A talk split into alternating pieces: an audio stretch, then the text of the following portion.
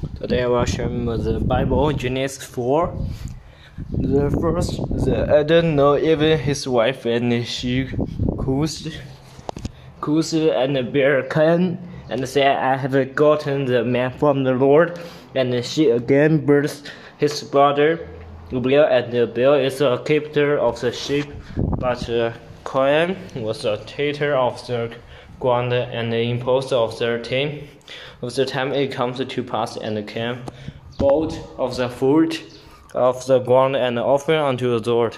And the bill, the bill, he also bought of the fruit first things of his flock, and of the fat for and the Lord had received unto the bill and his offering, but unto the unto the Cain and to his offering he had no receipt, and the Cain's of very worse and his uh, countenance few.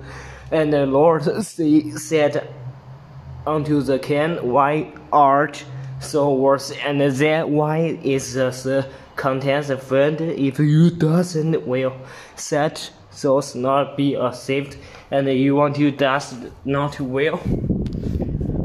Doesn't you well. She this son this as a floor and until the she'll be his thirsty and and so thought rules over them. It and the Cain talk to with uh, Abel, his brother, and it come to the pass when they when they were in the food, and the Cain rose again against Abel, his brother, and sealed him again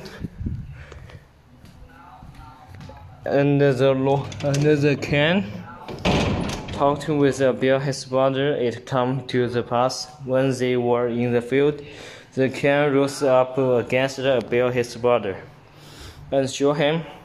And uh, the Lord said unto the Cain Where is Abel, the brother? And he said, I don't know. I'm uh, I'm brother keeper and he said, What has so done? The words of the brother spot Chris unto me from the God. And now the earth, so cursed of the earth, which has opened his mouth to save the brother's blood for his hand. When you saw a taste of the God, it should not friend first year unto the histories of fruit thieves and a bone. so the should be the earth again said unto the Lord, uh, My postman is gender, then I can see here.